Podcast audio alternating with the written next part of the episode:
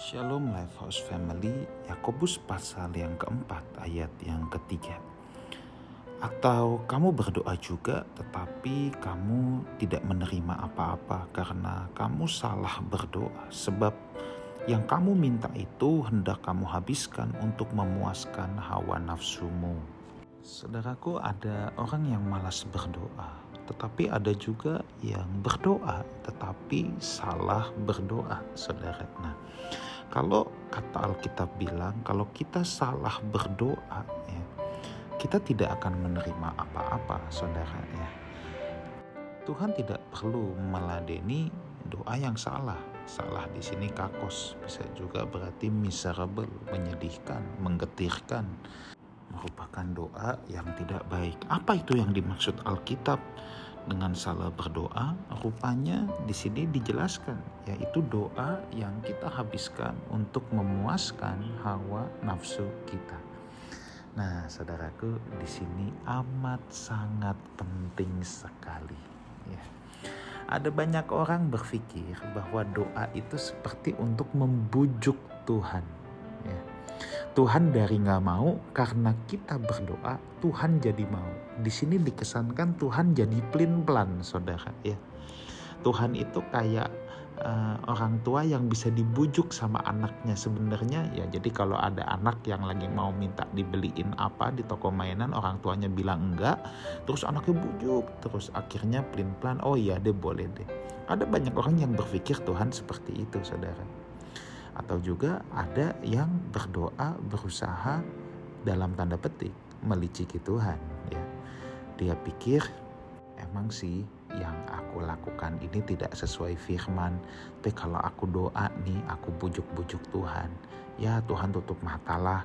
Ya Tuhan nanti bisa cincai lah sama aku ya Nah, jenis-jenis doa ini biasa doa untuk keuntungan dirinya sendiri, doa untuk hawa nafsunya sendiri. Nah, saudaraku, jenis-jenis doa seperti inilah yang dikategorikan sebagai salah berdoa. Bagaimana seharusnya kita berdoa?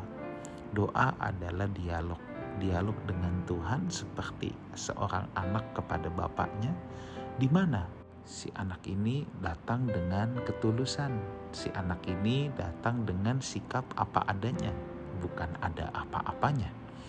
Doa adalah penyelarasan antara hati kita dengan hati Tuhan, bukan membuat Tuhan menuruti apa yang menjadi keinginan hati kita. Doa seharusnya membuat kita sesuai dengan hatinya Tuhan, semakin bisa memahami apa yang Tuhan senangi, apa yang Tuhan inginkan dalam hidup kita.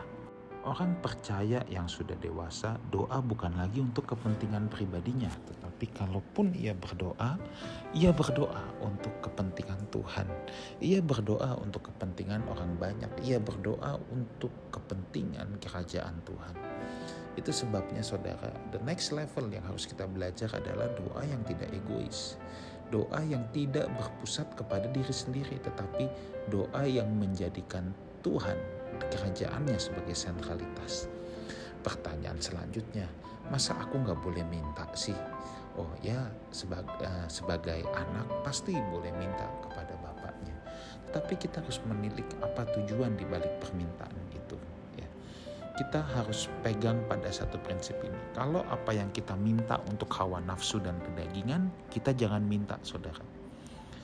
Saya ambil contoh yang lebih konkret ada orang sama-sama minta mobil. Yang satu bisa Tuhan aku mau mobil ini supaya aku lebih gengsi dong, aku lebih bergaya, aku lebih pede kalau naik mobil ini. Nah ini kan doa yang diminta atau dipanjatkan untuk memuaskan hawa nafsu. Tapi si B juga mungkin minta mobil. Tetapi dia bilang Tuhan kalau aku punya mobil ini aku bisa lebih menghemat waktu aku lebih efektif dalam bekerja. Aku bisa jemput teman-teman yang gak punya mobil untuk datang ke gereja, datang ke komsel. Ini kan beda saudara. Yang satu untuk hawa nafsu, yang satu lagi dia pikirkan bagaimana apa yang aku minta ini juga berdaya guna untuk kerajaan Tuhan. Saudaraku, mari kita belajar doa yang dewasa. Doa yang tidak berpusat kepada diri sendiri tetapi kita mulai belajar doa yang berpusat kepada Kristus dan kerajaannya. Tuhan Yesus menyertai kita semua. Amin.